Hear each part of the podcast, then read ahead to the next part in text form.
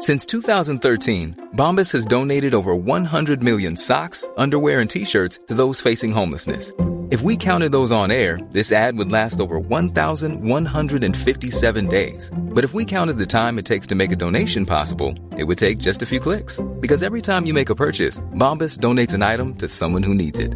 Go to bombas.com slash ACAST and use code ACAST for 20% off your first purchase. That's bombas.com slash ACAST, code ACAST.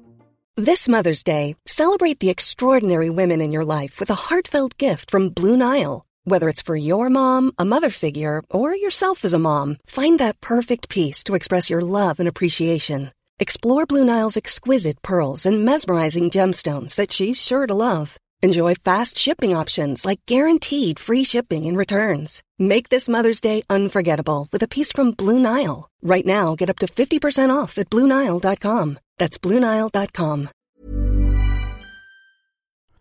Hallå! Simon Gärdenfors heter jag och snart börjar min podcast Arkivsamtal. Detta händer snart. På söndagen den 21 juli så kommer jag till Halmstad och gör ett stand-up-gig med Peter Wahlbeck och Johannes Bränning. Nu i sommar så uppträder jag också på tv-inspelningen av Släng dig i brunnens nya säsong. 14 augusti uppträder jag och Anton Magnusson bland annat. Detta är gratis, men det blir alltid fullbokat svinsnabbt. Så boka bord redan nu, för vi vill gärna ha folk som gillar vår humor i publiken. Jag testkör min tredje standup-timme. Endast en gång i sommar och det är 31 augusti på Lund Comedy Festival. Lika bra säkra en biljett till det också redan nu alltså. Det är skämt som inte tidigare varit med i mina specials som finns på YouTube. Länkar till allt det här jag nyss nämnde hittar ni på gardenfors.blogspot.com. Ni får jättegärna stötta min verksamhet som entertainer på patreon.com arkivsamtal. Eller så kan ni swisha valfri summa till 0760 72 47 28. Följ mig också gärna på sociala medier som till exempel Instagram och Twitter. Det är både roligt och informativt. Men nu kommer Arkivsamtal som klipps av min redaktör Marcus Blomgren. Mycket nöje.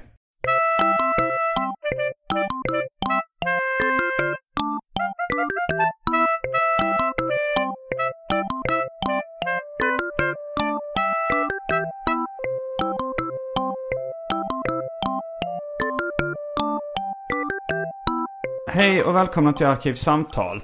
Jag heter Simon Gärdenfors och mitt emot mig sitter Adam Svanell. Välkommen hit. Tack, tack. Du är just nu frilansande skribent. Ja, det kan man säga. Eller jag är journalist annars på Svenska Dagbladet. Men journalist jag är, i grunden. men jag är tjänstledig just nu och skriver en bok. Ja. En bok om utbrändhet. Utbrändhet, som mm. vi har pratat om i tidigare avsnitt. Det har vi gjort, ja. Som heter typ Adamsson eller utbränd kanske. Det kanske heter ja. Något liknande. Uh, och du sa att du kände dig lite stressad nu. Uh, för, inför att skriva klart den boken. Ja. Det är ju ironiskt i ordets ursprungliga ja, bemärkelse. det är det. Absolut. Det är många som jag pratar med som jag säger så här, ah, men jag är lite stressad nu. De skojar så här, haha, du kanske får sk skriva in det i boken. Och jag bara, ja, det är klart jag gör det. Alltså, det kommer ju vara typ epilogen i boken som kommer handla om hur stressad jag var under skrivandet av boken. Så, så blir det, ja. Du, jag oh. tänker på um, SVT-dokumentären Den deprimerade reportern. Har du sett den? Nej.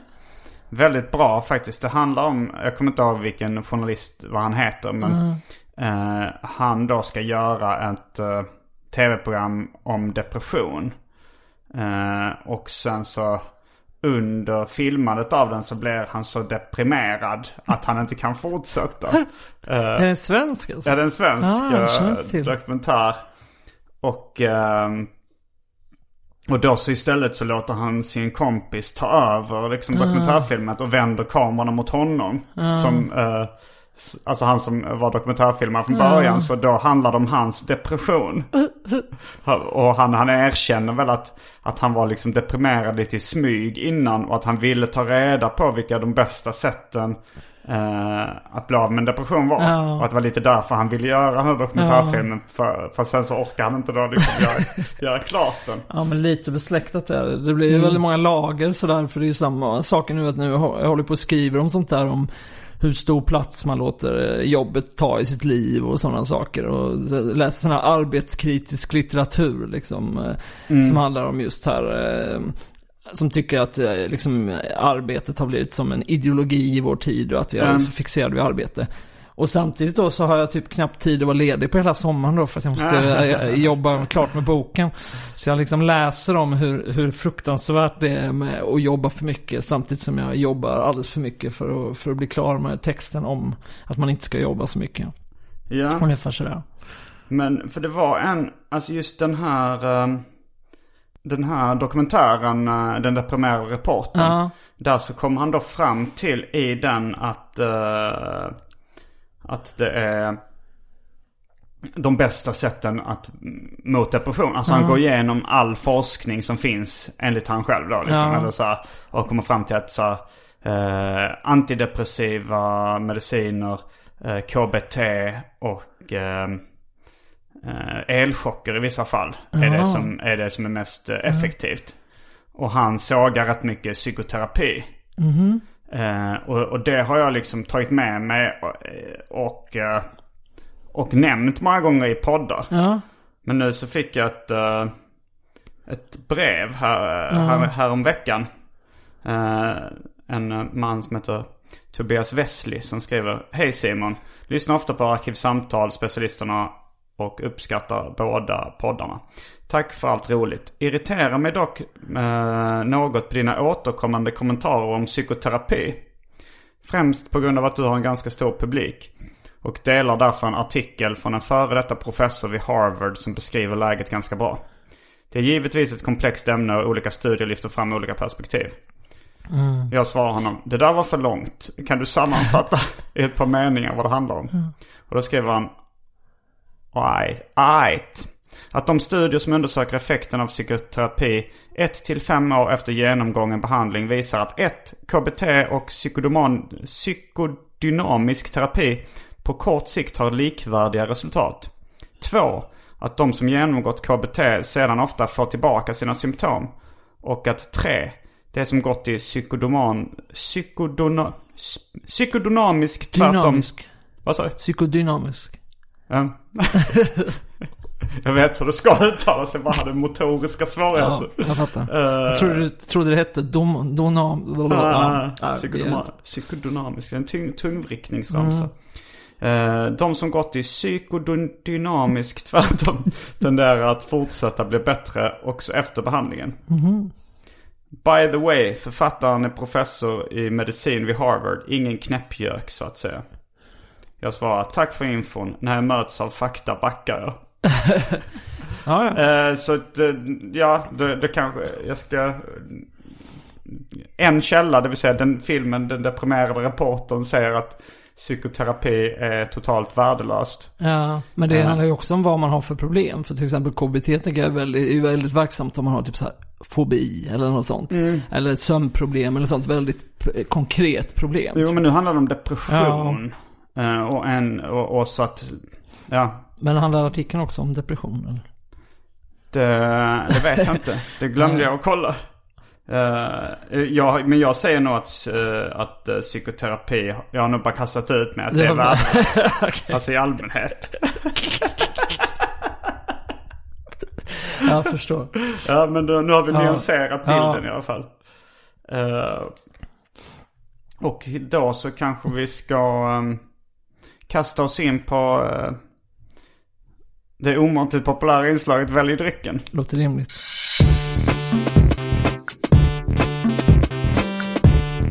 Jag tror vi börjar med det fasta inslaget Välj drycken! det kan vara världshistoriens kortaste lista av alternativ man Aha, väljer på. Eh, det, jag har bara lite, lite martini, Lite, lite sherry. Red Bull i smakerna kiwi, tropisk apelsin och cola. Häxblandningen, det vill säga alla drycker som fanns i min kyl innan ni genomgick en så kallad corporate rebranding. Och för tråkmånsar och nejsägare, vatten. Oj då. Ja, det var ju... Det var ju torftigt. Ja, verkligen. Ehm, ja. Man kan ju, om vi, om vi orkar vänta på att vatten ska koka upp, så kan jag erbjuda kaffe också. ja. jag är inte så sugen på kaffe. Ja. Men eh, hur lite martini är det? Ehm, ja, det kanske ändå räcker till en liten, uh, liten, litet glas var. Ja. Ja, men då, då tar jag det. Okej. Då tar jag eh, eventuellt martini. Om det inte räcker till två glas, då kommer jag ta sherry. Och detta, mina kära vänner, är Europas sämsta cliffhanger.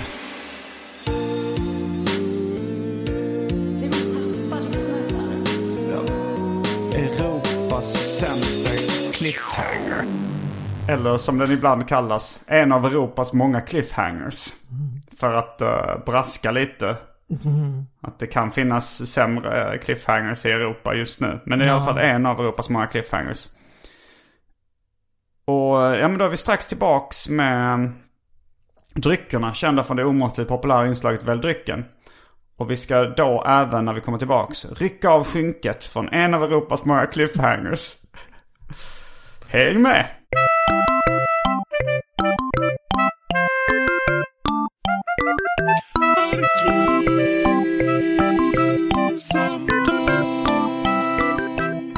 Då är vi tillbaks med eh, Martini och trumvirvel. Sherry till mig. Åh fan. Ja, där eh, fick ni... Ja. Nu behöver ni Det var inte det sitta som som på trillade av nålar. stolen längre. hemma i stugan. Ja, vi pratar lite om varför jag har sherry hemma och det är då min flickvän Andrea Lennartsson som vill hitta sin grej vad det gäller eh, sprit eller drinkar i barer. Och hon då hade kommit på att sherry skulle bli hennes grej. Men hon verkar inte tycka det är speciellt gott. Så att flaskan har stått kvar i min... Eh, Säger du hennes efternamn för att promota hennes karriär? Nej, det är nog mer eh, att det har blivit en grej att alltid när jag pratar om mina ex så, så pra, eller hon är inte mitt ex, men Nej, mina nej. flickvänner och mina ex-flickvänner så nämner då deras för och efternamn. Jag tänker att det är lite komisk effekt. Men det är också att, viss, att vissa som jag har varit ihop med och dejtat heter så skojiga saker. Ja. Nu är Andrea Lennartsson väldigt vanligt namn. Eller ganska Ja. vanligt. Det är inte jättemånga som heter exakt den Nej. kombinationen. Men, men, eh, men, men det blev som när jag pratade om min första flickvän Anna-Maja Myrstrand Jönsson. Just det. Och Maria Grudemoel Hayek också lite skojigt så. Ja, ja. Eh, För att det är utländskt. Efter Det är jätteskojigt. Jag blev en gång i tiden beskylld bland annat av Maja Asperlind för att ha liksom en grej för, för bara, eh, bara dejta tjejer med väldigt ovanliga namn. Att du blev det? Ja, det det har jag blivit skyldig, Ja. beskylld för också. Ehm, Eh, ja men det kanske du har gjort. ja, nej men det var kanske inte så de jag varit ihop med utan mer så här folk som jag träffat ett tag sådär. Mm, eh, Som liksom man, ja. Många som hade väl, nå, många, flera på rad som hette något som ingen annan hette och sådär. Mm. Eh, jag vet inte, jag, jag antar att det blir, särskilt när man håller på med Tinder och sånt, att man så här vill, eh, det, var man sticker ut om man inte heter Anna liksom. Jaha, Att så det blir som en tänker, sån eh, omedveten... att du tänker att du uh, swipar höger på någon som har ett skojigt namn istället. Eh, Eller så är jag bara bes, besatt av att vara unik. En unik blomma och då måste man vara ihop med någon som heter något. Ja, Ja, jag vet inte. nej jag vet inte heller. Det kanske också är i um, kultursvängen så kanske folk tenderar att heta, heta lite konstiga saker. Alltså att de också kanske medvetet väljer ett lite ovanligt efternamn om, om så här, ah, men jag vill inte heta min pappas Johansson. Jag tar Nej, just det. eh, morsans... Eh, nu kommer jag inte på något konstigt. Boll. Skorupko. Ja, Jag heter istället Inga Boll. Ja, eh, som min mamma hette i efternamn. Nej, Nej. det var tramsa men. ja, nej. Eh, men Det är eh, opassande med trams i den här podden. mm, det är en seriös podd. eh, ibland. Eh, jag tror inte jag hade något mer på... Jo, jo, jo, just det här. Jag funderar bara lite om... Ja men det här att vilja ha sin grej. Som Ja. då Andrea Lennartsson ville ha sin grej. Ja. Sherry. Eh, har, har, har vi diskuterat det? Jag bara för mig att... Eh, jag kanske har diskuterat det med David Liljemark. Ja, Alltså så här, var, att hans polare, att han ville göra till sin grej, att han skulle kolla på tv-programmet Goda Grannar till exempel. Alltså så, och jag har ju också ganska många gånger ja, men så bestämt det här ska bli min ja, grej. ja precis. Så här, nu att lyssna på Hawaii-musik. Det ska Ja, bli jo, min exakt, grej. Liksom, precis. Har du mycket sådana? Vad har du haft? Det känns som jag har haft många, men jag kommer inte på en- så många en, eh, exempel nu. Personlighet som, som har sådana. Det här ska Men bli nu min har ju varit att min grej var lite pizza, men det är inte så jag Det har jag lite också haft. Så, alltså när med far och son körde vi mycket Ja. pizza var vår grej. Men det är så allmängiltigt. jag vet, är väldigt svårt att göra till sin grej. Eh, och en annan grej, men det har jag nog pratat om här tidigare också, men jag hade ju bland annat en grej att jag skulle se alla Woody Allen-filmer och så. Ja, Fick man ju också ångra lite nästan eftersom så stor andel är, är ganska dåliga. Ja, så är det ju. Ehm, men... eh, Nej, det, det värsta jag har gjort i, det, i, det, Ja. i den genren är att eh, film, när jag var liten så skulle då den te, tecknade danska Ja. långfilmen Bennys badkar, den skulle. Och den var så jävla tråkig. ja, ja. Och jag skulle så här tvinga mina kompisar att kolla på Bennys badkar. Varför jag skulle vara en flippig kille. Ja, det är, jag lider med dem. Mm. Det gör jag också. Men eh, då så kanske vi ska börja sätta tänderna i eh, veckans ämne. Som du har valt. Ja, Skånska brott. ja, precis. Det Mest mord, tänker jag. Men Mest mord, även- ja. Mm, det är kanske de mest eh, spännande brotten ofta. Ja. Eh, cykelstöld och annat. Nej, Jag tror precis. inte det är så rafflande alltid. Nej, nej. Eh, men eh, ja, är du en uh, krimintresserad person? Jag, jag har aldrig riktigt... eh, du har inte slagit mig som nej. en... Fin, finns det... Alltså egentligen inte så jättemycket, men jag tror att jag har det lite som någon slags eh, guilty pleasure. Alltså Mm. just för att det, ja, om man har, det blir lätt sådär om man håller på och skriver och gör grejer själv. Blir det, man är inom ett visst fält och allt, det blir nästan lite så kopplat till det jag själv gör också om jag läser saker som, ja, liksom, som är för likt det, något som jag själv skulle kunna ha skrivit. Mm. Och då blir det liksom att intressera sig för krim blir ju liksom något helt annat. Det blir Mm, du har aldrig skrivit någonting om krim? Nej, det har väl någon enstaka Du gång, jobbar på en liksom. Jag- jag- lokaltidning. Nej, men jag har skrivit, jag har skrivit något reportage om någon härva och sådär någon gång. Men, I och för sig, Men- du har väl skrivit också ett... eh, om våldtäkter. Ja, och jag skrivit, jag skrev ett reportage häromåret som handlar om så här, Sveriges första cannabiskung. Mm. Och så. Så det har jag väl gjort. Men jag har aldrig skrivit någon deckare eller något sånt liksom. Nej, nej. Och sen så... Men jag tänkte... mm, ja, men sådana så här mord... eh, Leif Persson-aktiga mord. Leif Persson, ja. Eh, men... ehm, ja, men sen tycker jag att det är något... Alltså, jag tänkte först tänkte jag att jag skulle föreslå att vi skulle prata om Skåne bara eftersom vi båda är uppvuxna i Skåne. Men så kom jag på, ja men skånska mord och brott. Att jag tycker att det är något... Det är något eh, kittlande med brott som har skett på platser som man har en relation till själv. Mm, ja. Alltså typ den här Mikael Marsimans Lasermannen-filmatisering, den tv-serien. Den har jag sett flera gånger för att jag såg den när den gick på tv när jag bodde i Göteborg. Och sen när jag flyttade till Stockholm tänkte jag, fan, var är, vart var alla de här morden? Så såg jag om den bara för att, liksom, jag tyckte det var fascinerande. de den på eh, alltså, riktiga platser? Ja, ja, visst. Och sen så, när jag hade bott här i Stockholm i tio år så såg jag den en gång till. För då hade jag ju, då hade jag en relation till många av de här ställena. Så att jag tycker det där, är- jag vet inte. Ja, det var väl skjutningar framför allt. Det var inte så många mord. Alltså Lasermannen. Nej, precis. Men det var väl på Münchenbryggeriet med. Det är väl en av dem som jag kunde relatera till de platserna. Så. Det minns inte jag att det är någon på, det tror jag inte. Nähä. Det är på Brygghuset på, i Vasastan. Okej, jag kan ha blandat ihop det. Ja, jag tror det. Men han, det är ju närheten där, för det är ju på slutet de förföljer honom.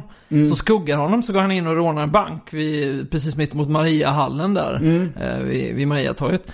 Och då så blir det ju som en polisjakt där, när han cyklar nästan ner bort mot Münchenbryggeriet. Men, ja. Ja, det var nog inte det jag tänkte på. Nej. Jag tänkte på någon tidig grej. Någon som höll på med musik. Ja, just det. snubbe. Ja, men Jag det är det Brygghuset. Ja, det okej. Ja, då, då var det fel. Men, men jag kan förstå den grejen. Jag läste eh, Tredje stenen från solen av Claes Holmström när jag var tonåring. Ja. För första gången. Och då hade jag inte varit så mycket i Stockholm alls. Men sen nu, eller när jag läste om den senast, då kunde jag ju få upp bilderna av Ja. McDonalds på Kungsgatan. Ja. Och sådär. Som, så det, det är väl det, det är sådana liksom litterära vandringar i städer också. Ja. Poängen med dem att man ska se platserna på... Ja, men jag tycker att det är någonting med det. Jag gjorde ett reportage en gång med, med Åsa Linderborg när jag åkte med henne till, till Västerås. Och då så var det just att vi åkte och tittade på alla de här ställena där hennes bok utspelar sig, den där Mig äger ingen. Och det var inte så att jag hade någon stark relation till den boken Nej. egentligen. Men jag tyckte ändå att det var så här lite coolt. Att bara, okej, det där fönstret där, där han står och hänger upp gardinerna, farsan i boken. Och så. Jag har inte läst den själv men. Ja, men det handlar om hennes barndom liksom. Och hennes pappa som då är alkoholiserad och eh, som uppfostrar henne och så. Men det är någonting med det där, jag vet inte. Men eh, vad, hur kom det sig att du ville prata om... eh, ja, och- och- jo, för det var då att det var platser du kan relatera Ja, till i Skåne. alltså, jag men tyck- många av de kända skånska brotten har inte jag så mycket relation Alltså jag har aldrig Nej. varit i Hörby till exempel. Nej, nej. Vad, vad nej men jag, alltså det var ju väldigt mycket mord. Jag är uppvuxen i Kristianstad då. Mm. Och det var ju väldigt mycket, alltså min bild av min barndom var att det bara var mord hela tiden. Okej. Ja, och det var ju inte sådana mord. Alltså de här morden, det är ju inte liksom... Det är ju inte sådana här gänguppgörelser eller någonting. Liksom, utan det var ju sådana här riktiga Sjöwall Wahlöö-aktiga mord. Någon sliskig, missanpassad man som, som, som hatade kvinnor och begick sexmord och slängde någon i någon påsar i något dike. Alltså sånt Pratar du om Ulf Olsson nu eller? Ja men fl- flera olika. Ja, en, Finns det eh, många sådana? En som jag tycker är bortglömd är ju Snälle-Bengt till exempel. Den känner, känner jag inte till. Den är bortglömd även av mig. Ja. Om jag någonsin har känt till.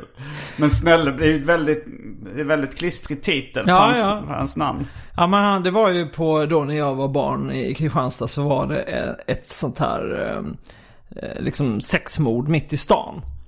I Kristianstad? Ja. I centrala Kristianstad? Ja men typ, eller alltså Kristianstad är ganska litet så det är ganska lätt att vara centralt. Nej, inte riktigt. Det är det enda jag känner Men det är till. väl så här, det är mer så här när man går mellan, jag måste tänka så jag säger rätt nu, men det är ja, Alltså hon, hon som blev mördad hade varit på Harrys som ligger bredvid Bonken typ. Vi måste ju bara berätta om Bonken. Att det Ja, var, det är sant. storyn bakom det är att... eh, eh, ja men de skulle heta Banken. för Det var ett gam- ställe som hette Pubbanken. Okej, ja. Och sen var det ett annat ställe som hette Banken i någon annan ort. Mm. Som stämde dem, eller så här, på, ja. Var det att det låg en gammal bank till och med Ja, kanske? det låg en gammal bank ja. Ja. Men då stämde de bank, på banken då och vann. Ja. Så banken var tvungen att byta namn. Men då orkade de inte liksom eh, hitta på ett nytt namn. Så de bara hängde upp en ring ovanför namnet. Så det blev Ja, det- Bonken istället för... Och man kan ju tycka att Bänken kunde det hetat. För Ja, det är ju ja, ändå liksom eh, ett ord.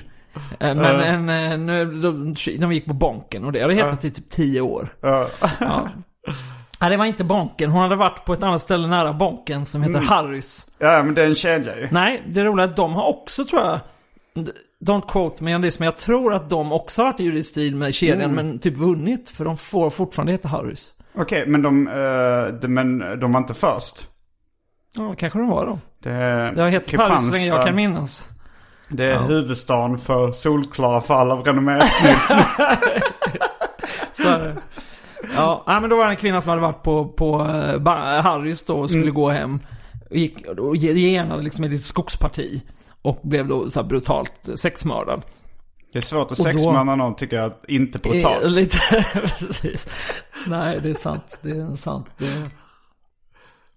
Nej, jag vill inte föreställa mig hur det skulle gå till. Eh, Ja, nej men eh, och då så blev det ju så här jätte, eh, liksom du vet som, hela stan var i skräck. Typ. Okej, som Och, Hagamannen Ja, men lite sån grej. Jag tror dessutom att det hade varit några andra våldtäkter, alltså i stan samtidigt. Så att det blev en sån grej att det Vilket var år var det här? Sa du det? Det sa jag inte och det kommer jag inte ihåg heller, men säg att det var så här 96, 95, Okej, så 96. du var inte jättegammal då? Nej, jag är född 82 så jag var ju liksom Mm, Barn. barn. Ehm, och eh, då så blev det massa så här att man startade en nattvandrare. Mm. Så att det var liksom en stor grej att de så gick runt och, och vandrade på nätterna där för att hålla koll och liksom så här eh, så att kvinnor skulle känna sig säkra och så. Och en av de här nattvandrarna, en av de som var ledande i det, eh, var en kille, en man som hette Bengt. Okej. Och som var väldigt så hjälpsam. Han brukade typ så ge godis till barn och sånt. Så han kallas för Snälle Bengt för att han var så himla, eh, så himla Snäll. trevlig. Och det finns en bild som så här när han var med i Kristianstadsbladet. Han får, det är så att vår gamla, han som var skolpräst när jag var, när jag var barn, Kai Westberg. Han överräcker någon sån check och blommor. En sån gigantisk check. Alltså det kan vara i mitt minne, bara hitta på att det är en sån gigantisk check. Vi säger att det är det. Eh, till de här nattvandrarna då. För att de har någon sån fond för uh, något fint liksom. Och så står uh, Snälle Bengt där och en av dem tar emot pengarna då så för att Av göra... prästen Kai. Ja. Man tänker på prästen Kai i tre, vad heter det? Ja just det. Eh, Tre Det- Kronor. eh, Tre Kronor ja. Kaj Westberg för övrigt ett sidospår. Hette inte någon familj Westberg också i, eh, i Det är eh, sant Tre faktiskt. Kronor? Det är sant. Fast, ja, det är förbryllande. Ja. Det är renommésnyltning igen. Ja. det sitter ju upp en mässnyltning. Kaj Westberg för övrigt då, han har även ringt en gång och skällt ut mig för att min bror konfirmerades två gånger. Va? Backa bandet. Min bror kunde inte bestämma sig om han skulle åka på konfirmationsläger med sina kompisar från klassen när de skulle vandra i fjällen som konfirmations- Eller om han skulle åka på ett annat läger i, utanför Höganäs där han hade, kände någon annan som hade varit och det hade varit jättekul. Så då bestämde han sig för att han skulle göra båda två. Okej. Ehm, och eh, sen eh, var det väl inte mer med det. Och sen någon gång efteråt under hösten så ringde det telefonen hemma. Och jag var den enda som var hemma och jag var väl då eh, liksom, ja, 12 år eller något sånt. Och så svarade jag, så är det då Kai Westberg. Är man så ung när man konfirmerar sig? Inte... Nej, det var han som hade konfirmerat sig. Men jag, är han din storebror? Ja, Det är bara det att han ser yngre ut än vad du gör. det vet jag inte. Men jag har alltid fått för mig att det är din lillebror. Ja, Men- nej, det är min storebror. Okej. Ja. jag vet inte om det här är liksom smickrande för honom eller osmickrande för mig. Det beror Att, nog ja. på vilken ålder ni är i. Ja. Mm. Men i alla fall, då så ringer Kaj Westberg, är mycket upprörd. Och så säger han så här, Stämmer det här som jag har hört? Att Oscar konfirmerats sig två gånger? Och jag bara, ja, jo, det, det stämmer. Så här får man inte göra. Det är ju respektlöst mot... Och så Kaj Westberg har en lång utläggning då om hur Ja. fruktansvärt det här Men varför och man- ska du som 12-åring ta den utskällningen? Ja, i alla fall. Och sen då liksom när han har pratat av sig han så. Ja, ja. Jag, jag återkommer. Och så slänger han på luren. Och sen hör han aldrig av. Så du fick utskällning för din brorsa? Ja, hade konfirmerat sig två gånger. Själv konfirmerade jag mig för säkerhets skull bara en gång sen då det Ja. var min tur. Jag har är varken konfirmerad och har inte eh, gjort bar mitzva. Så Nej, jag är det är inte för sent. cannon. Ja, ja. Men, ehm, ja i alla fall då. Sen då så får man inte tag på vem som har gjort det här.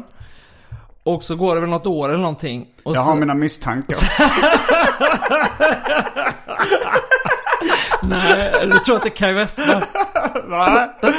Men eh, då så går det något år och sen så eh, mördas det en annan kvinna, eller försvinner en annan kvinna. Mm. Eh, som, och då så börjar de förhöra grannarna där runt omkring, för hon bor lite utanför Kristianstad. Mm. Och då så är en av grannarna Snälle-Bengt. Mm.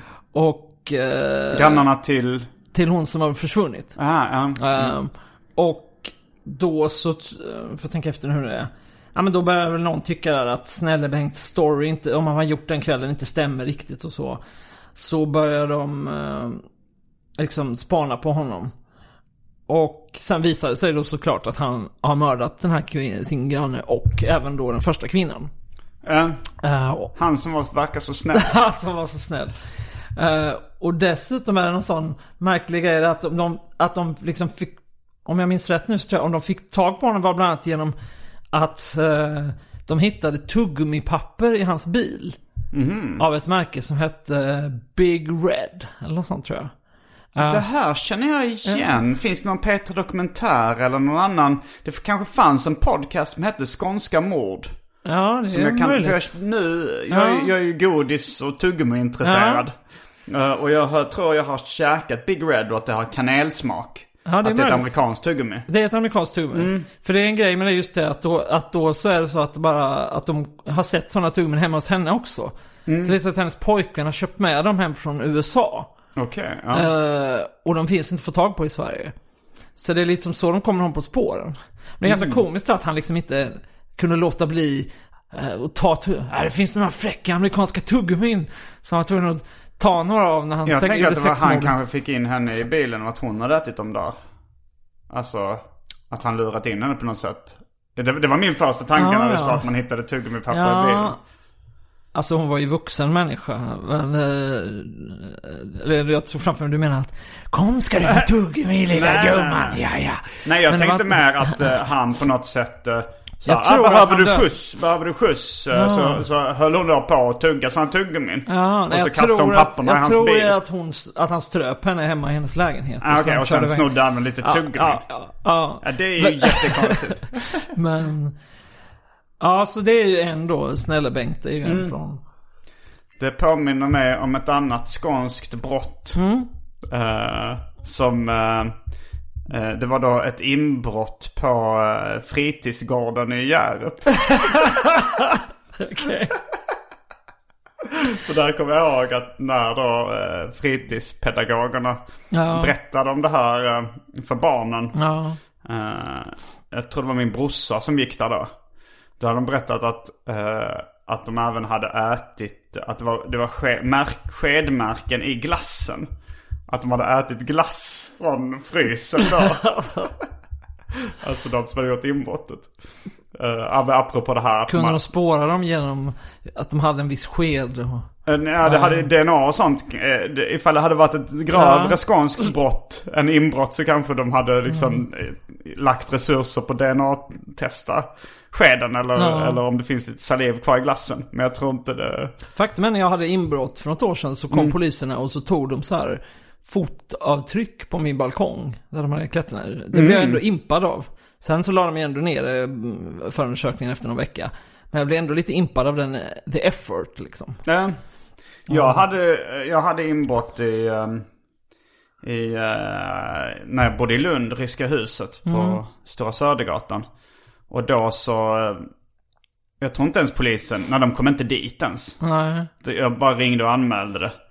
Och, eh, och, och jag, jag tänkte, men, alltså, jag tror jag frågade dem varför de inte skulle komma Ja. dit. Så jag, var, varför ska vi göra det? Och jag tänkte så, ah, men fingeravtryck kanske. och jag, jag, jag tror inte, jag tror nästan de skrattade åt mig liksom. Ja, ja. Men sen var det så här att jag ehm, eh, fick, nej men eh, på affären då, Doolittle tror jag den hette, det var en skivbutik. Ja, jag minns Så alla mina eh, CD-skivor var stulna. Och de hade då eh, eh, sålts till den butiken. Ja, ja. Eh, och man var tvungen att legitimera sig där. Så att det var då en, en, eh, en, en tjomme som eh, också typ var typ en heroinpundare som någon eh, som hade någon gemensam Ja. bekant med. Ja. Det var han som då hade, då, legit, som hade legitimerat sig. Så jag tycker att fingeravtryck hade varit Ja, ja, relevant i det Ja, här ja. sammanhanget. Men han åkte aldrig dit. Nej. Nej. Jo, han, han, eh, han, blev, han fick... Han har gjort massa andra brott. Ja, ja. Men han åkte inte fast för mitt. Nej, nej. Andra skånska brott. Um, du märker att vi håller oss på temat. Det är viktigt. Uh, ja, det blev det ju en del. eh, en del, En del väl- skånska brott. Ja, en del Ja. skånska brott som inte var mord också. Utan väldigt... Ja, eh, en del uh, ja, slappa inbrott också. Ja, ehm, det, det var det om Snälle-Bengt. Ja, ja precis. Ja, men eh, jag ska dra några andra favoritmord då. Ja, vi... eh, det, det, du skickade några förslag. Ja, ja, Och precis. det, ett av dem som jag har pyttelite relation till det är Borrbymannen. Just det. Det var väl inget mord inblandat där. Nej, precis. Men det är ett skånskt brott. Ja. Eh, och under min resa, Simons 120 dagar. Ja. Jag gjorde en seriebok där jag åkte runt i Sverige och bodde hos folk. För er som inte vet det. Eh, där bodde jag i Borrby. Jaha, du gjorde det? Mm. Och den, det paret jag bodde hos, eller den familjen. De eh, berättade om Borrbymannen. Jag vet inte om de hade varit aktiva på något sätt. Det hade de säkert. Jag tror Eh. hela Borby var inblandat. Ja, eh, och de var ju väldigt mycket på då... Alltså de var inte direkt på Borbymannens sida. Nej. Men, men du kanske kan dra bakgrunden till hela grejen? Ja, nej, men alltså det är, nu kan jag inte göra den historien superbra egentligen, men som, som fritt ur minnet så, så var det ju en eh, man som flyttade, Borrby är alltså en pytteliten ort, eh, ute på en åker typ på Österlen. Och det Det var var... väldigt, väldigt långt söderut också. Jag tror det var när, när jag liksom skulle prata om hur långt söderut och hur långt norrut jag hade varit så var nog Borrby det Ja, just södraste. det. Bo- Ja, precis. Min familj har ju ett eh, sommarhus precis bredvid Borrby. Mm. Eh, så jag har varit där mycket, men, men uh, Borbymannen var ju alltså egentligen bara då en, en uh, småkriminell som flyttade till Borby. Och gjorde massa otyg. Jag kommer inte riktigt ihåg vad, men han gjorde väl massa inbrott och snodde massa grejer och ställde till med bråk och bara så. Blev all, gjorde sig allmänt omöjlig. Så att alla i Borby bara började hata den här mannen. Eh, och sen då, jag tror att det var Jag så gissar att... på att de inte kallade honom Borbymannen. Nej. Nej. Eh, och sen då, jag tror att det var till och med så att han redan hade åkt fast och blivit dömd för massa brott och så. Men han var ju ändå liksom inte inlåst utan han var ute och då så hade Borbyborna fått nog. Så det var verkligen så här, det här var verkligen en sån det är ganska många av de här skånska morden som får en känsla, man får känslan av att Skåne är liksom eh, amerikanska sydstaterna ungefär. Och det var ju så att folk bara gick ihop i en sån lynchmobb. Och Högafflar och Ja, ja, facklor. men typ. Och skulle liksom storma Borbymannens eh, hem. Mm. Men han hade väl då fått tips om det här så han var inte hemma. Men, Men ändå så kastade de in typ en brandbomb i hans lägenhet. Och sen så var det någon, gick något rykte om att han var hemma hos en polare som bodde några hundra meter bort. Och då sprang alla dit och stormade den här lägenheten. Och typ gick in där och rev sönder massa grejer och stal videon tror jag. Oj. Eh, och... Eh, Då ska de helt plötsligt själva begå massa brott. Ja. Alltså, Okej, eller liksom, eh, ja, det, det känns ju som det är helt utanför Ja. deras ursprungliga uppdrag. Och Ja, och stjäla videon hos hans kompis. Och det som dessutom får det att kännas som att det är så här väldigt laglöst och så var att eh, polisen inte åkte dit.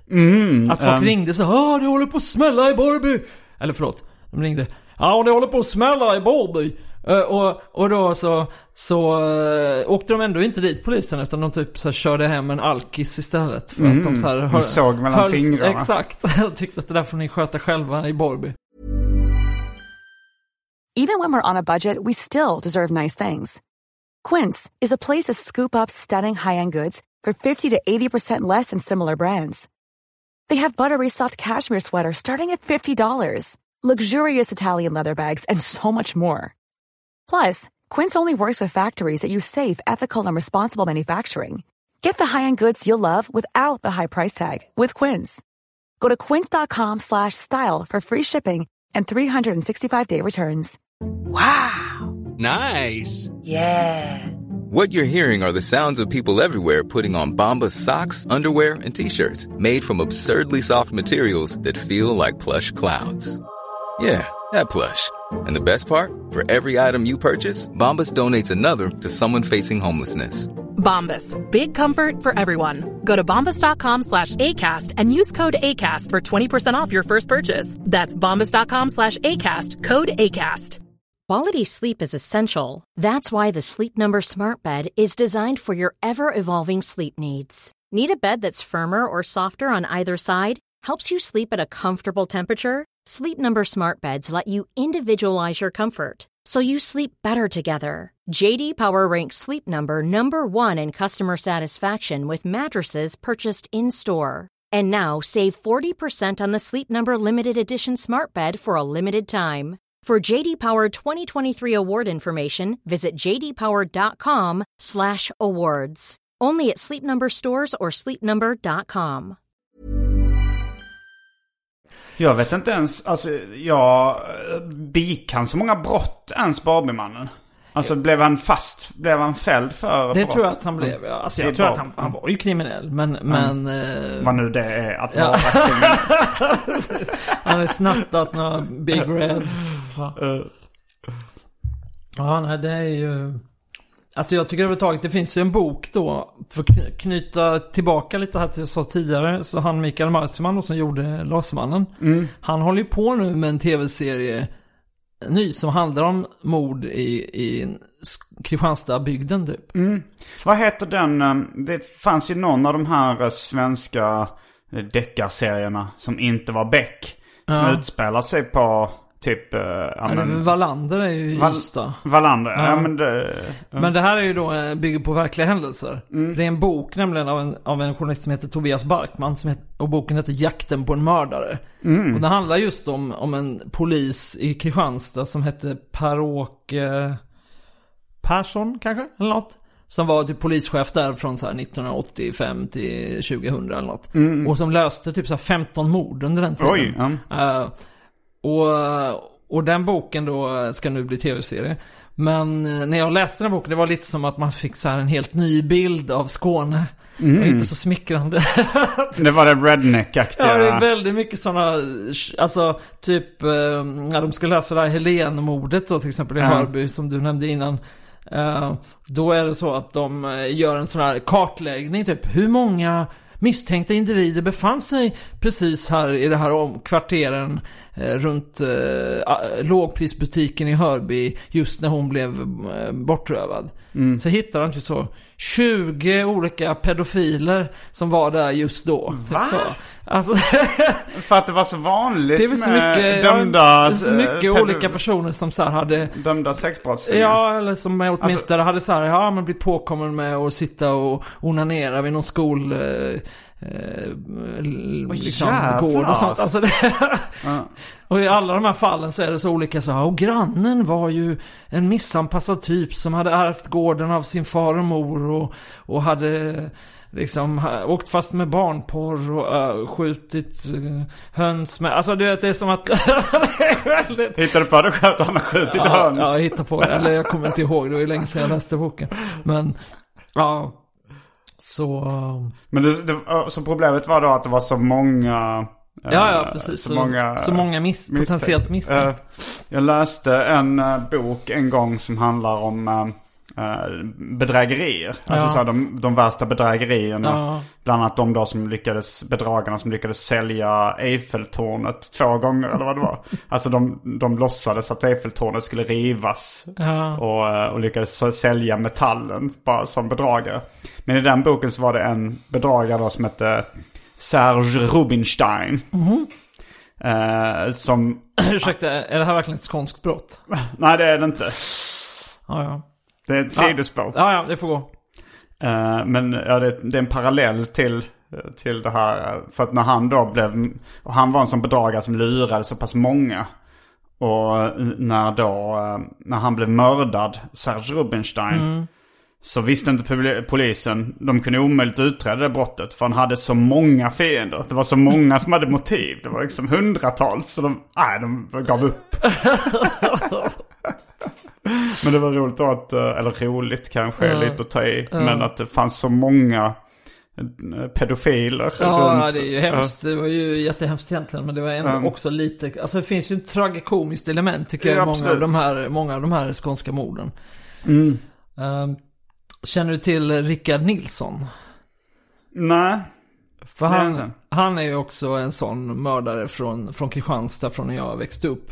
Mm. Och han var ju så en snubbe som eh, hade så väldigt grandios självuppfattning. Mm. Han typ så, man hittade annat hemma som att han skrivit typ ett, en lapp med sina planer för framtiden. Där hans mål var så här, bli världens rikaste man. Var det hans rockmanager? Ja, exakt. Mm, då har jag läst om Ja. honom. Ja. Mm. Ja men han var ju Jo, då, det, jag har jag- faktiskt läst, eh, det, jag läste typ ett långt reportage om honom. Eh, var, eh, när var det här? Ja men det måste ju också varit slutet på, kanske Slut, 99, 2000 typ. där Mm. Ja men då var det nog att jag Ja. läste liksom ett långt kvällstidningsreportage Ja. när det var aktuellt. Ja, ja men precis. Ja, för han var ju en person, jag minns ju honom eftersom jag var musikintresserad. Mm. Ja, du har träffat ju, honom? Nej, jag har nog aldrig träffat honom. Däremot, det kan jag återkomma till, har jag mejlat med honom i, i modern tid. Men, men eh, jag minns honom för att han, det stod om honom i Kristianstadsbladet så här, och han arrangerade konserter och så. Ja. Ja, det var ju väldigt tragikomiskt, hans grandiosa självbild. ja, Alltså men det var, här- han hade ju sådana planer då. Han skrev dem på engelska också, har för mig så här. Ja. Yeah, I don't care about people. Uh, I just uh, want to uh, achieve uh, my goals. And if I step on anybody, it's just fun. Och Ja. Alltså, ja men han var ju väldigt speciell. Alltså han, han, jag, han jobbade som korvgubbe. Korvgubbe. Ja. Men ändå hade han jättemycket pengar typ. Och hade så Armani-kostym och sånt. Eh, för att han typ förskingrade massa pengar då från den här korvkiosken. Och från det här, eh, han var ju bland annat han var ju med då i den här Kids Creole som är en förening som arrangerade en fe- festival. Och där var han kassör. Han förskingrade massa pengar där med och så. Eh, eller han, han betedde sig i alla fall som att han hade jättemycket pengar. Men just korvgubbe, jag för mig jag hörde något sommarprat eller något sånt. Någon Ja. som hade blivit svinrik. Som då hade börjat också med att sälja korv Ja. utanför typ nattklubbar. Och Ja. Det verkar, man verkar ändå kunna dra in den stålar på I och för sig i det här fallet, för när jag tänker efter så var ju hans, hans eh, det var ju att han behövde få tag på pengar som var ju hela hans grej. Mm. Så att han kanske egentligen inte hade så bra med pengar, men han försökte i alla fall ge sken av att vara en sån Mm. glassig lirare. Ehm, och då var det ju så att hans, han, apropå så här dåliga planer, så var det ju så att han bara eh, skrev att han skulle sälja en bil. Satt ut en annons och så svarade en gubbe. Och så åkte han dit då.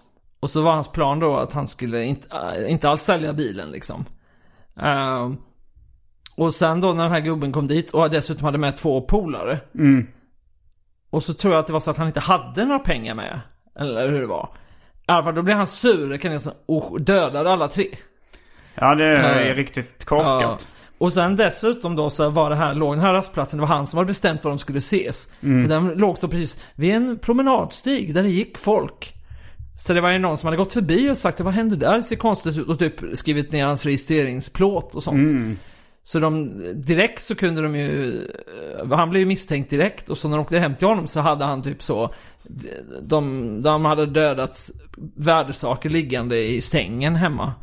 Eh, Han blev skäligen misstänkt. Ja, exakt. Och han hade inte gjort sig av med mordvapnet eller någonting sånt. Eh, och sen uh, så åkte han ju in då för... För trippelmord. ja, och sen, men det finns då den här andra konstiga Var det i historien. Kristianstad mordet begicks? Nej, nej det var det inte. Det, var, det, min, det minns jag faktiskt inte var någonstans. Det var ju någon liksom, väg liksom någonstans. Men det var Men sen så finns det ett mord. annat, ett annat mord som han då är, är misstänkt för. Och jag, om jag kan berätta om det så kan du ju dra din egna slutsats om du tror han är skyldig eller inte. Mm. Det var så här, det var Hammerfall i bandet. Just det. Rätt, eh, Är det här, eh. Ett av Klippan-morden. Nej, det var, det var i Sölvesborg. Okej, ja. För då var det så att de spelade i Sölvesborg på Kartago, även känt som Huset i Sölvesborg, där jag själv har spelat många gånger. Eller några gånger, när jag var yngre. Eh, och då så, Är det här, Var- Sölvesborg, ligger det i Skåne? ja det ligger i Blekinge. Just Det är det. där Jimmy Åkesson kommer ifrån. Nu gör du, Ja. nu gör du en uh, Serge Ja, ja, Rubinstein. just det. Ja, Att du- fan, det tänkte jag inte på. Eh, ja, men i alla fall då så, så kommer då, eh, så har de spelat i Kristianstad typ dagen innan. Mm. Men de har inte fått pengarna då av Rickard Nilsson som har hållit i det här. Så att, Nej, eh, Var det efter han hade kommit ut från finkan? nej, nej, det var innan. Innan? Okej. Eh, eh, och då så, så säger han Rickard Nilsson, "Ja, men ni ska få pengarna, jag kommer och lämnar dem eh, på spelningen i Sölvesborg. Mm. Och så kommer Rickard Nilsson dit då. Och så managern då till Hammerfall. Mm. Han kommer dit och så ses han kliva in i Rickard Nilssons bil. Mm. För att ta emot de här pengarna då. Sen åker de iväg. Eh, sen har ingen sett den här managern igen. Men det finns vittnesmålsbefäster om skottlossning i området. Eh, men Rickard Nilssons version är då att han träffade honom, gav honom pengarna och sen eh, eh, och släppte av honom igen på samma ställe. Och åkte hem. Och det här var innan... ehm, jag tänkte de borde ju genomsökt hans bil efter... Ja, i och för sig, han var det här ju var ju. Ja, tidigare då. det, han Och dessutom var det så att de hittade den här managerns väska med pengar från någon tidigare spelning i en sjö. Men det var ju ingen, alltså de pengarna då som han, Rickard Nilsson, skulle ha gett honom, Mm. för de var ju inte där. Dessutom Nej. så hade någon ringt, om jag minns rätt nu, då hade någon ringt Rickard Nilssons voicemail och lyssnat av hans mobilsvar från den mördades telefon. Ja, det var väldigt mycket som konstiga. Men det där fallet är fortfarande inte löst då. Nej, och Rickard Nilsson, är han fri man idag? Jag tror att han precis har kommit ut typ. Aha, det, okej. finns en, eh, det finns en, eh, typ, jag tror det är Verkligheten i P3 tror jag det heter, som har gjort en så, typ tre avsnitt om Rickard Nilsson. Som jag verkligen rekommenderar. Mm. Ja, det För han är en väldigt på. fascinerande person. Pra- han, Då intervjuade de honom där också? ja, ja. Verkligheten? Alltså han vill ju bli, fortfarande bli, eh, han har ju fortfarande stora planer. Åh, Så han har ju ja, läst- ja, sånt är ju lite för alltid. Ja. Den hjärnan kommer inte förändras. Han berättar ju den här då, i den här dokumentär, eller radioprogrammet så berättar han att han, han har i, i, under sina typ 20 år i fängelse så har han tagit tusen universitetspoäng. Ljuger han då eller? Nej, jag tror inte det. Eh, Och... eh, Och, och det är exakt tusen. Och sen så berättar han också att hans stora dröm är att få ha ett sommar i P1. Okej, ja. Ehm, så att han, eh, han har fortfarande stora planer kan man säga. Mm. Ehm, men det, det... Vad gör han nu då? Eller? Ja, nu tror jag att han... Men Alltså, han blev intervjuad från fängelset då? ja, i- alltså grejen med det där med var att eh, jag... eh, För ett antal år sedan så skrev jag ett reportage om Peter Sunde, han är i Pirate Bay. Och det handlar om att han skulle åka in i fängelse. Och då så ville jag ta reda på hur det var på det där fängelset som han, i Västervik, där han skulle sitta. Och då kontaktade jag I Västervik? Ja, då kontaktade jag en tidning som heter Paragraf. Eh, som just har lite som sin grej att så här, typ ex-kriminella och skriver också i den tidningen. Typ. Och då var de så här, men vi har en medarbetare som, som kan hjälpa dig. Han kontaktar dig. Så var det då Rickard Nilsson. Eh, och jag sa inget om att jag visste vem han var liksom. Men han bara, jo men jag kan sätta dig i kontakt med en kille som sitter där och bla bla. bla. Så här, om, men kan ni skicka ett ex av tidningen? Och jag bara, ja ja absolut. Och sen bara så här gick det och så gick, jag tror jag gav hans adress till någon. Men sen efter ett tag så gick det så bara hörde han av sig då Rickard Nilsson. Mm. Och var lite irriterad för han hade inte fått den här tidningen. Och, ja. Och då kände jag bara, och han känns man kan vara irrationell. exakt.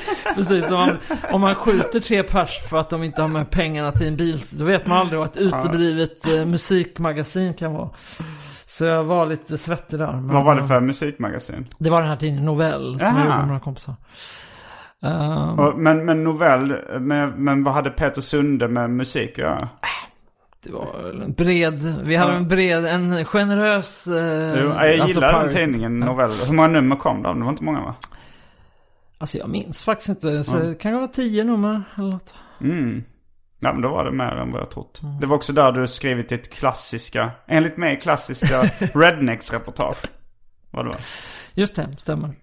Mm, 17 sidor om Rednecks uppgång och eh, i Och, viss mån eh, fall. Ja, det får man säga. Eller bara allmän, eh, allmän mayhem kan man säga. Mm. Ehm, ja, så det, det, det var det du skulle återkomma till, att du hade haft mailkontakt Ja, med ja, Rickard. Nilsson. Det finns faktiskt en historia också som jag har glömt. Det borde jag ju tänkt på inför det här och fråga min kompis om det stämmer. Men det är en, en kompis till mig från Kristianstad också som jag bara hört på omvägar. Att det påstås att han satt i bil, för han höll på mycket med musik också, var så DJ och sånt. Vem? Din Min kompis? kompis. Mm. Att han och Rickard Nilsson satt i bilen ihop. När, enligt skrönan då, historien, Mm. så är det att de säger typ på radion eh, Efterlyst för mordet, eh, Rickard Nilsson, typ. Och så sa han så eh, Nej, säger de ju det, aldrig." det är en annan Rickard Nilsson, typ. Men jag skulle ju säga att de brukar inte säga Nej. namnet, så jag tror förmodligen var det väl mer så att de bara sa något om att de, det var något mord, och så sa han något, nej, jag vet inte. Men, eh, men, eh, ja. Ja, men han är en, en spännande karaktär i alla fall. Ja, det ska vi... Jag, man ska lyssna på den verkligheten i P3. Ja. Har du några favoritmord från Skåne? Um, favorit och Nej, favorit. Kanske lite hårt Alltså säga, de, de men- jag minns mest är då kanske, eh, ja men, eh, Helenmordet. Ulf Olsson. Just det. Eh, det var för att jag var, ja men jag var ganska liten när det, när det skedde och, och jag minns hur eh, obehagligt jag tyckte det var. Ja. Det var ju ett eh, styckmördat barn. Och det var ju ett sexmord också på något sätt. Jag kommer ihåg att jag så här satt framför typ rapporten och sånt och var liten och liksom och käkade glass eller något sånt. Och Ja. jag typ tapp, det var första gången jag kände att jag tappade aptiten på grund av liksom Ja. psykologiska anledningar. Bara så här, åh fy fan vad obehagligt det. Ja, ja, Ja. men det var ju skitläskigt. Det Mm. tog ju svinlång tid innan de eh, grep mördaren också liksom. Ja, och det var ju så att han hade varit med i en eh, SVT-dokumentär. Uh, Ulf Olsson då innan han var misstänkt för det brottet. För han var bara den, den konstiga mannen med hunden i Hörby då.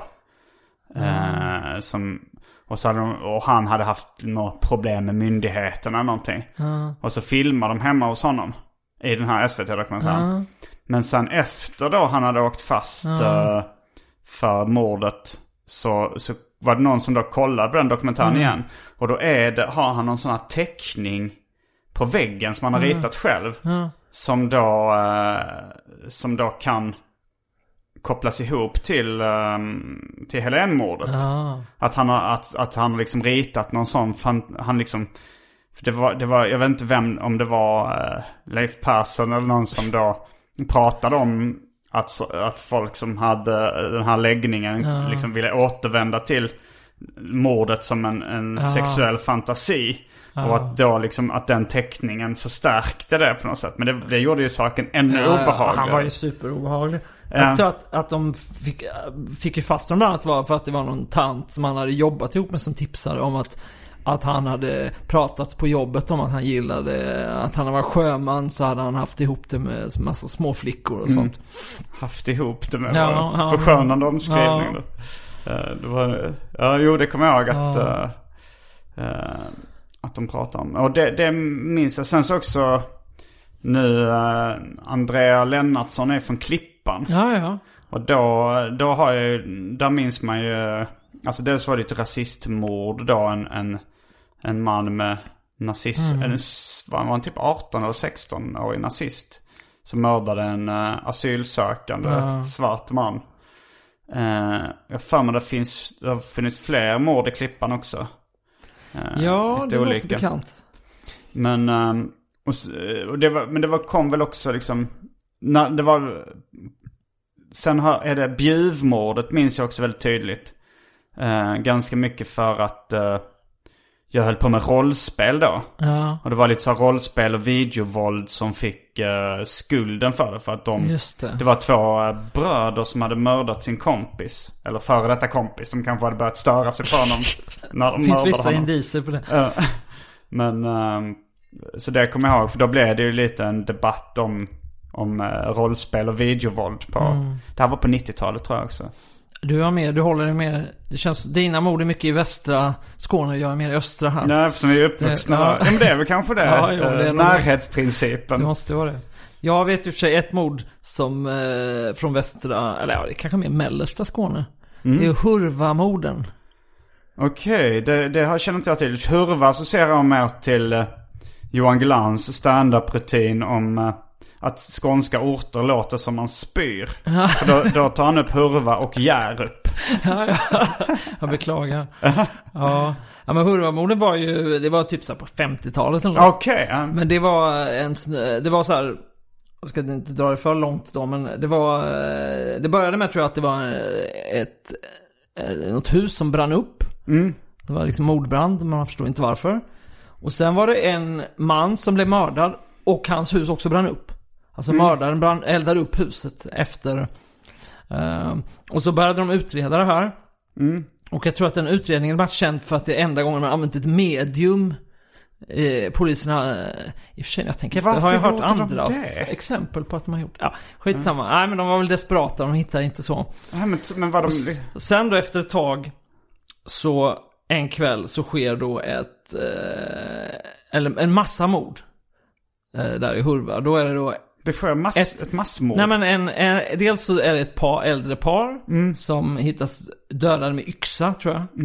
Och sen så är det typ ett ålderdomshem som då blir uppeldat. eh, och där det dör jättemånga personer. Det verkar vara en väldigt ondskefull Ja. person. han. Och då så eh, visar det sig då att han som har begått det här, det är en man eh, som heter Tore någonting tror jag. Jag minns inte vad han hette efternamn. Ehm, som då har varit ihop med en tjej som jobbar på ålderdomshemmet. Mm. Hon har dumpat honom. För att han typ var så här hustrumisshandlare tror jag. Mm. Och då så-. Ja, väldigt rimligt. Superrimligt. Men han tyckte inte det då, Tore, så han hämnades då genom att döda henne och hennes arbetskamrater och tan tanten och gubbarna på ålderdomshemmet. Mm. Typ Vilken 10 pers. Och sina, sina egna föräldrar också då. Oj, oj, oj. Alltså han mördade sina egna Ja. föräldrar bara när han ändå var igång. Ja, exakt. Och twisten då, eller det sjuka är att han var polis. så han hade utrett det här första mordet. Som Ah. han själv hade begått. Oj, oj, oj. Eh, Lite snällebänkt Ja, känns det är lite sant. Och sen, men sen så hittade de honom död också då. Han hade dränkt sig. Oj, och då hade han lämnat kvar ett eh, självmordsbrev skrivet på rim. Där börjar Ja. jag tycka han är riktigt sjuk. Och jag tror också att det var så att han skrivit under det med så här Tore, mm, mördare. oj, oj, oj. Eh, Det, alltså, det... Jag, jag känner, det låter bekant. Finns det en Peter dokumentär om det här? Eller något liknande? För, det jag, vet jag inte. för det låter ju som Alltså det här är ett ganska känt fall. Ja. Så att det, det um, Hurvafallet. Jo, ja. men äh, det är väldigt spännande. Jag tror att det finns också, alltså det finns ju den här tv-serien Skånska mord med Ernst-Hugo Mm. Järegård. Jag tror där finns det också en... Uh, Ernst Järegård. Ernst, Ernst Järegård. det är väl ett dubbelnamn. Jag vet inte hur mina interna regler i min hjärna Nej, går du för det här ju, skämtet. får jobba men, på det. Ja. ja, och där, där tar de upp uh, Hurvafallet. ja men där tror jag att det finns, alltså jag har inte sett det själv. Jag bara Nej. för mig att jag har sett att det finns en sån Men det låter som att det borde finnas en film också. Det är väldigt Ja. spännande. Nu kan man inte, om, om det är ett känt fall så kan man inte bli en så stor twist att det var en av poliserna liksom, som har Nej, varit med i filmen. Ja, Men det känns ju verkligen som en bra filmmanus. får inte tala om det här med rimmet. Ja. Det är ju, ja. ja Eh, men, eh, Jag tror han, eh, den uh, rasistmör, nazistmördaren i Klippan Ja. också uh, begick självmord. Senare. ja. Eh, typ 2001. Jag läste på den Wikipedia-sidan. Eh, den, den var ganska så här, Det kändes som att den, den var inte skriven på ett sånt här... Jag vet inte vad... Du har ju skrivit om Wikipedia också. ja. De eftersträvar väl någon form av språkbruk i Wikipedia. Eh, jag vet inte hur de definierar det. Nej. Att det ska vara eh, ett vetenskapligt ja, språk ja, eller något ja, sånt jag där. vet inte Nej. hur, men ja. Det är ju en sån. Men den, den artikeln om Klippanmordet, det kändes rätt brutalt. Alltså så här, Ja. det, det droppades väldigt mycket N-bomber i den Wikipedia-artikeln. Och det var så här, 2001 begick han självmord genom att skjuta sig i, i huvudet. Liksom. Ja. det, stod, det var mycket så här rakt på sak. Kändes som att det var Alltså skrivet svenska av... Wikipedia kan ju vara lite shaky ibland just med sådana där, eh, alltså vissa artiklar är väldigt konstigt skrivna. Ja. Det, ja. Vi eh, börjar eh, närma oss slutet av den här podden. Ja, ja. Har du något skånskt mord eh, eller Eh, brott? Kvar, ja. Har du själv... Yngsjömordet, Okej. möjligen. Känner du till det? Det låter väldigt bekant men jag kan inte storyn. Nej, jag kan eh, ja, men säga något om det också. Mm. Det är ju, var ju på 1800-talet. Eh, det var, då var det, Yngsjö ligger ju alltså i, utanför Kristianstad. Och i Åhus där jag bodde delar av min uppväxt, där brukar man ju säga typ En häst, en ko, en Yngsjöbo. Så det var lite så här. Det var Det nedvärderande. var inte så, det var nedvärderande. Man såg Mm. ner lite på Yngsjö, tyckte det var bonnigt så. Uh, Åhus då, skulle man kunna säga lite mer brackigt liksom. Mm. Ja. Ja, de har glassen dessutom. Ja, de hade det då. Det fi- finns inte längre. Har Århusglass lagt ner? Ja, Varför har inte jag blivit informerad? det är en mycket bra fråga. Ehm, I alla fall, där var det ju då på, det här var på 1800-talet. Så var det en gård där. Det bodde en, en, ehm, ett par och så dog mannen. eh, och, Hur dog mannen? nej det tror jag bara var Mord. Ja, vanligt mord bara. Eh, och eh, då så... Han hade eh, varit typ hjärt och kärl eller något Ja, eller någonting. Jag vet faktiskt inte. Eh, men det var nog inget, det var, tror inte, vad man vet var det nog skumt. inget mord. Men i alla fall så, så växte då sonen upp och bodde där med mamman. Mm. Och han blev äldre och äldre. Han var väl liksom, till slut var han över 20 år men bodde kvar med sin mamma. Mm. Och han var väl lite så valpig och så. Och så tror jag att det gick rykten lite sådär i byn att han liksom var lite konstig. Och det var till och med skvaller som att han och morsan kanske hade en, en, en affär flört. liksom. Att han var en, att han var en motherfucker, så att säga. Det låter nästan Ja. äckligt att ha en flört med sin. Det är äckligare när man inte agerar ut. Ja, men det, lite the less is more.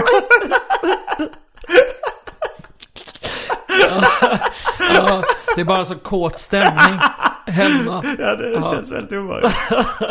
Men i alla fall, och sen då så tror jag att mamma var drivande i att, nej men du må- måste, Per heter han sonen tror jag. Du måste gifta dig Per. Eh. Som hittar någon, det var väl lite arrangerat på den tiden att de hittar någon ung tjej där som han ska eh, gifta, giftas ihop med. Men sen när de väl har gift då, då vägrar morsan att flytta. Hon blev lite svartsjuk Ja, men typ sådär. vä- vägrar hon att flytta? Borde inte de... Hon bodde ju där från början. Det är Ja, ju de som jag borde flytta. Ja, jag ja, tycker det du borde säga Jag tror att det tvärtom. var när han att- blev liksom husbonde skulle han ta över gården liksom. Aha, det här, hur länge sedan var det här? På 1800-talet. Jaha, det var så old school. Um, Jag tror att det var, nu vet jag inte, 1880 kanske eller något sånt. Ja, då Ja. tycker jag det är upprörande Ja. att mamma vägrade flytta. Men i alla fall, så det blir väldigt mycket konflikter där då mellan Mm. liksom morsan och, och eh, frun och så. Mm. Eh, det kan man ju fatta, verkar ju skitjobbigt liksom.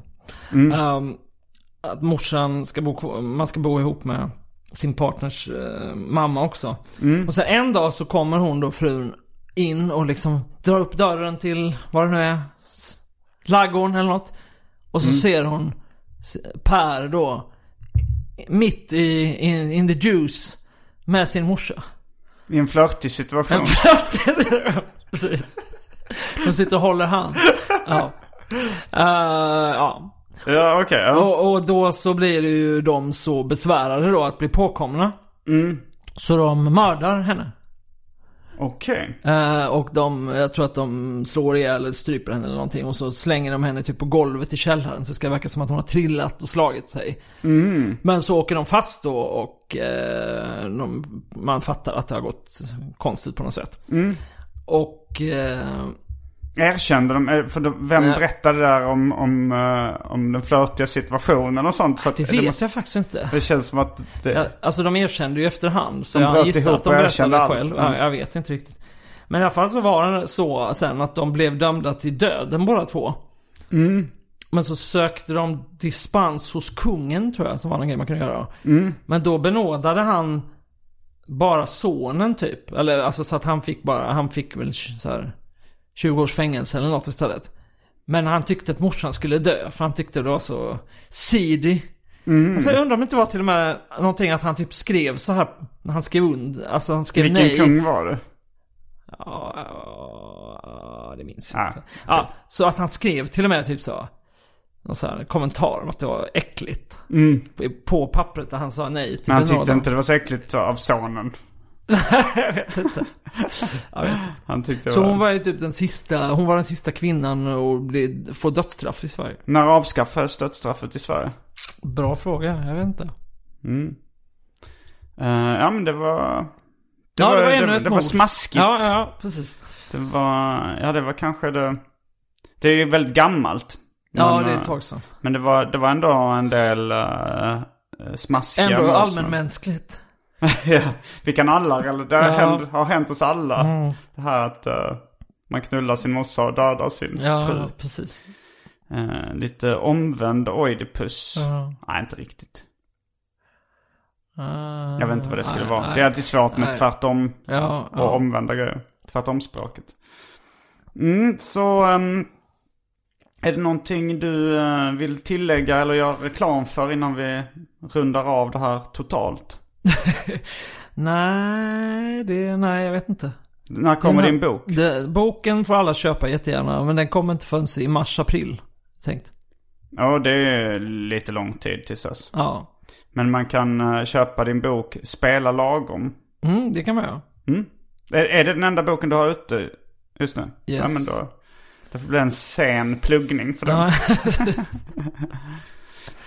Mm, eh, tack så mycket för mig. Kul att du kom hit ännu en gång. Jag heter Simon Gärdenfors. Jag heter Adam Svanell. Fullbordat samtal.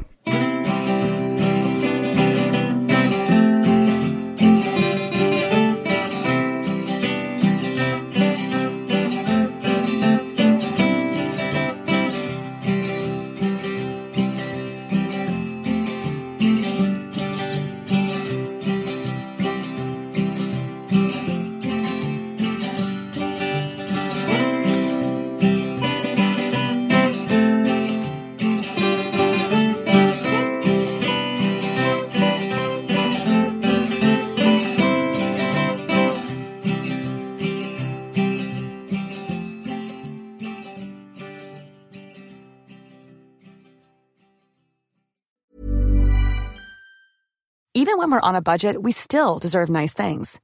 Quince is a place to scoop up stunning high-end goods for 50 to 80% less than similar brands. They have buttery soft cashmere sweaters starting at $50, luxurious Italian leather bags, and so much more. Plus, Quince only works with factories that use safe, ethical, and responsible manufacturing. Get the high-end goods you'll love without the high price tag with Quince. Go to quince.com slash style for free shipping and 365-day returns. Here's a cool fact. A crocodile can't stick out its tongue. Another cool fact, you can get short-term health insurance for a month or just under a year in some states. United Healthcare short-term insurance plans are designed for people who are between jobs, coming off their parents' plan, or turning a side hustle into a full-time gig. Underwritten by Golden Rule Insurance Company, they offer flexible, budget-friendly coverage with access to a nationwide network of doctors and hospitals. Get more cool facts about United Healthcare short-term plans at uh1.com.